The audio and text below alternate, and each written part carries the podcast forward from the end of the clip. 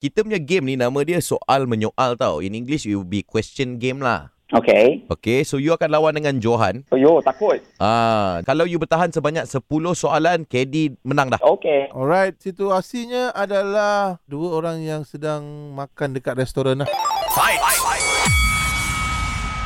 Silakan. Sedap tak? Kenapa you tanya eh? Sebab saya uh, tak tahu... Oh my God! What are you doing, E CEO? CEO, E come on sorry, sorry. Okay, okay. Start over again. Boleh, boleh. Asal dah, Ah, dah, okay, tahu, okay. tahu, Wow. okay, okay, okay. Wow, Okay, ah, wow, okay, okay. okay. ah. Fight. Okay, start. Go. Okay, sedap tak? Kenapa you nak tahu? You tak lapar meh? Ah, Mahal tak? Mahal tak? Kenapa you ulang soalan I? Kenapa you tak bagi I ulang soalan you? ah, ah. Okay, you siapa nak ulang soalan I? You tak kenal saya ke? Ah, Kedai makan eh? You famous ke? ah, famous ke? Ah, You tak tengok video review I ke?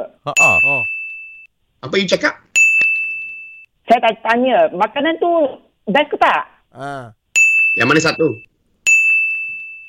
Uh, Alamak, KD. Tapi boleh tahan lah. You sampai tujuh soalan tau. KD. otak aku jam, otak aku jam, sorry, okay. Lagi tiga je, lagi tahu. Ayo. So, sebab you dah kalah, you kena panggil Johan sampai dia kata yes. Lepas tu, you kena announce. Johan, you win. Johan. Johan. Yes.